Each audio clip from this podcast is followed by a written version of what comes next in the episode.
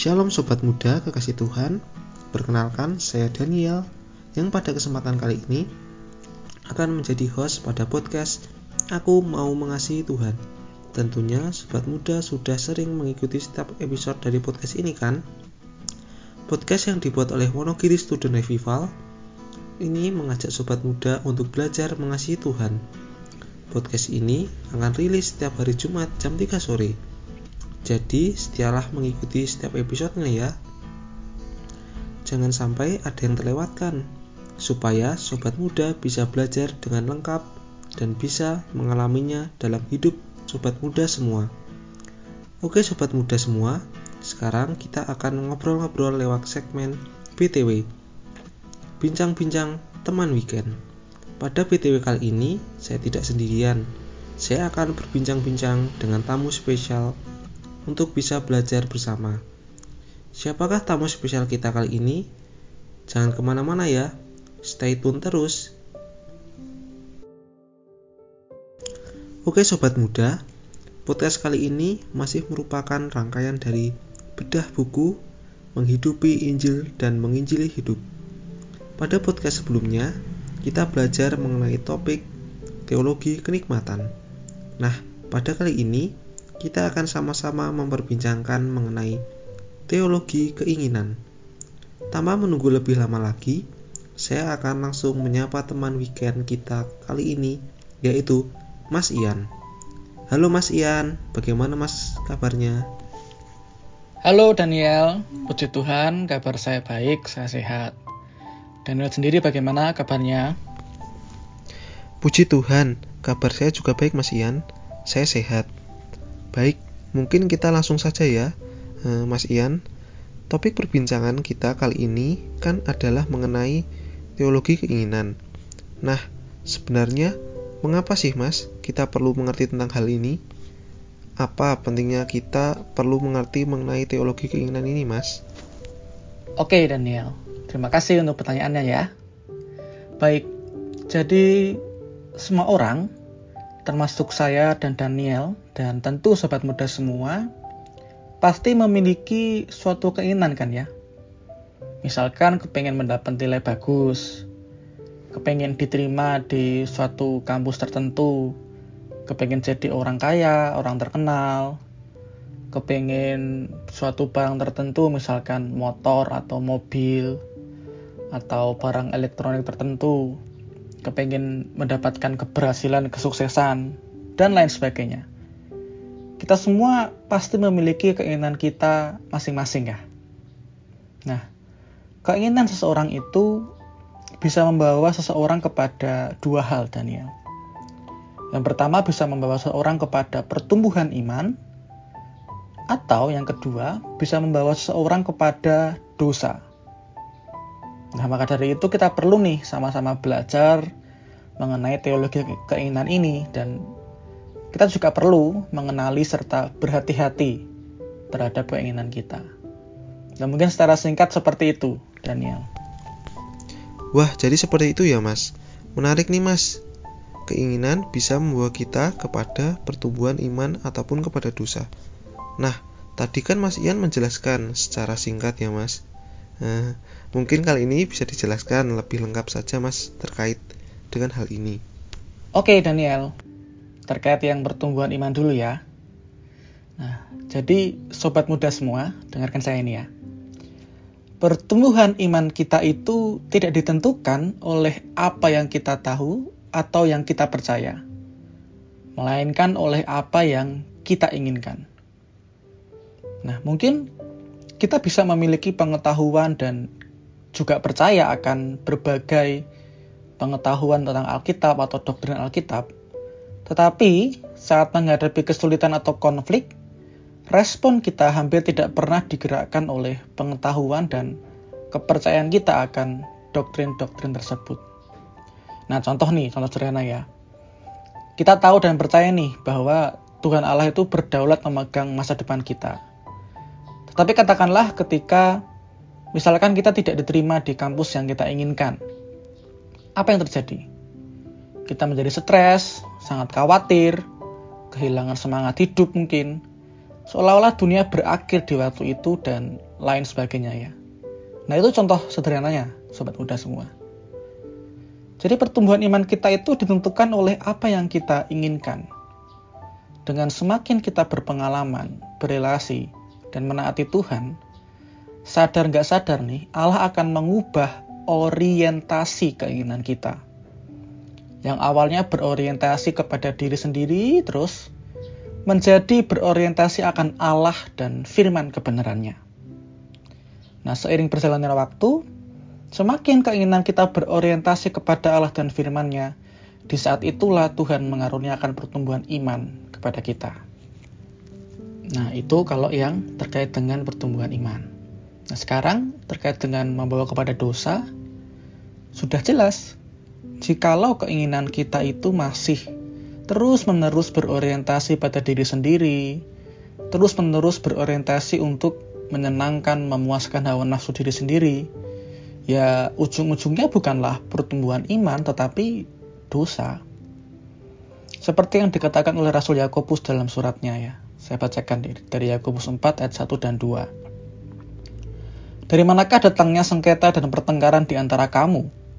Bukankah datangnya dari hawa nafsumu yang saling berjuang di dalam tubuhmu? Kamu mengingini sesuatu, tetapi kamu tidak memperolehnya. Lalu kamu membunuh, kamu iri hati, tetapi kamu tidak mencapai tujuanmu. Lalu kamu bertengkar dan kamu berkelahi. Kamu tidak memperoleh apa-apa karena kamu tidak berdoa. Nah, Daniel dan sobat muda semua, Alkitab pun mengatakan bahwa keinginan seseorang bisa membawanya kepada dosa, seperti iri hati, pertengkaran, sengketa, dan juga pastinya persoalan-persoalan lainnya. Nah, jadi demikian ya, Daniel dan sobat muda semua. Ah, jadi sudah jelas ya sobat muda semua. Berikutnya nih Mas Ian, karena topik kita kali ini adalah teologi keinginan, mungkin bisa dijelaskan Mas Ian, apa saja prinsip-prinsip yang perlu kita ketahui mengenai teologi keinginan ini, Mas? Oke, Daniel saya akan jelaskan secara singkat ya. Prinsip yang pertama adalah keinginan adalah akar dari masalah pribadi dan antar pribadi kita. Nah, contoh sederhananya, misalkan keinginan untuk jadi orang kaya. Nah, itu bisa membuat orang bekerja terlalu keras, bisa membuat orang depresi, burnout, berbohong, dan mencuri. Nah, maka dari itu kita perlu berhati-hati, jangan sampai keinginan kita itu yang mengontrol kita, menguasai kita. Nah, kemudian yang kedua, masalah utama kita ada di dalam, bukan di luar diri kita. Nah, karena tadi kan keinginan itu kan adalah akar dari masalah ya, akar dari masalah pribadi. Nah, itu keinginan kita. Nah, berarti kita nggak bisa kalau kemudian kita menyalahkan lingkungan atau orang lainnya begitu. Misalkan contoh menyalahkan oh ini ini karena salah orang tua saya nih yang keliru membesarkan saya. Oh, ini karena saya sejak kecil dibesarkan jadi dimanja oleh orang tua jadi saya kayak gini nah kita nggak bisa kayak gitu karena sumber masalahnya adalah dari diri kita sendiri maka solusinya harus berasal dari luar dari luar dari diri kita yaitu dari Kristus itu sendiri. Nah, kemudian yang ketiga, keinginan kita itu menjadi jahat bukan karena jenisnya, tetapi karena kadarnya. Nah, maksudnya kayak gimana? Nah, sobat muda semua, Alkitab tidak pernah melarang kita untuk memiliki keinginan. Karena segala hal yang baik di dalam dunia ini diberikan Allah untuk kita nikmati melalui kelima panca indera kita. Misalkan keinginan untuk memiliki uang banyak, atau berhasil dalam segala usaha kita, jabatan yang tinggi dalam pekerjaan. Itu semua natural, sah, dan baik. Nah, keinginan-keinginan itu akan menjadi berdosa apabila keinginan itu yang memerintah, menguasai, mengontrol kita. Padahal kan seharusnya Kristus yang memerintah, menguasai, mengontrol kita. Nah, itu ya. Kemudian yang keempat, keinginan kita itu dipengaruhi oleh kedagingan atau faktor personal kita, kemudian dipengaruhi oleh budaya yang ada di dalam dunia dan juga dipengaruhi oleh iblis. Nah tadi ya, kedagingan, budaya dalam dunia dan iblis ini mereka seolah-olah itu kayak bermain sebegitu rupa. Untuk apa? Untuk menjadikan keinginan kita yang mengontrol, menguasai kita. Nah, maka kita perlu hati-hati nih terhadap kedagingan kita, terhadap kultur atau budaya yang ada di dalam dunia di sekitar kita dan juga tentu kita harus berhati-hati kepada iblis ya. Nah, kemudian yang terakhir, prinsip yang terakhir, Allah mengubah kita dengan mengubah orientasi keinginan kita. Nah, ketika kita berkenan diubah olehnya, keinginan kita terhadap Kristus itu akan menjadi sebuah hasrat yang besar. Sehingga keinginan akan hal-hal yang lain itu akan kehilangan daya tariknya. Nah, jadi demikian Daniel dan sobat muda semua. Wah, jelas sekali ya sobat muda semua. Nah, sekarang pertanyaan terakhir nih Mas Ian. Apa hal yang bisa kita terapkan dari pelajaran mengenai teologi keinginan ini, Mas? Oke, Daniel.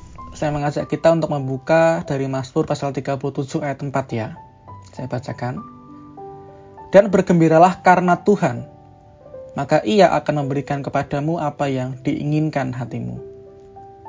Sobat muda semua, arti dari ayat ini bukanlah Tuhan akan memberi apa pun yang kita inginkan, tetapi saat kita sungguh telah dapat menikmati Tuhan, bergembira karena Tuhan itu sendiri, lebih daripada kita bergembira karena berkat-berkatnya, maka segala keinginan hati kita juga pasti telah tertata sebagaimana seharusnya. Nah, maka praktisnya bergembiralah karena Tuhan itu sendiri. Tidak hanya sekedar bergembira karena berkat-berkat Tuhan, tetapi karena Tuhan itu sendiri. Tetaplah terkoneksi dengannya dan berrelasi dengannya. Bergembiralah karena Tuhan itu sendiri. Nah, selain itu, sobat muda, sobat muda bisa mengecek juga nih di dalam diri masing-masing sobat muda masing-masing ya. Adakah keinginan-keinginan sobat muda itu yang sudah menjadi Tuhan di dalam hidup sobat muda semua? Adakah keinginan kita itu yang sudah menguasai diri kita? Adakah keinginan kita yang yang sudah sampai membuat kita itu kayak mau menghalalkan segala cara untuk mencapainya, bahkan sampai membuat kita mentolerir dosa untuk mencapai keinginan itu. Nah, jika ada, bereskan sobat muda. Bereskan keinginan itu. Datanglah kepada Tuhan supaya Tuhan sendirilah yang membereskan hal itu dan supaya jangan sobat muda jatuh ke dalam dosa yang lebih dalam. Oke, Mas Ian, terima kasih atas penjelasannya. Semoga keinginan kita semakin hari semakin berorientasi kepada Allah dan firman-Nya. Sama-sama Daniel. Tuhan Yesus memberkati Daniel dan sobat muda semua. Sampai jumpa.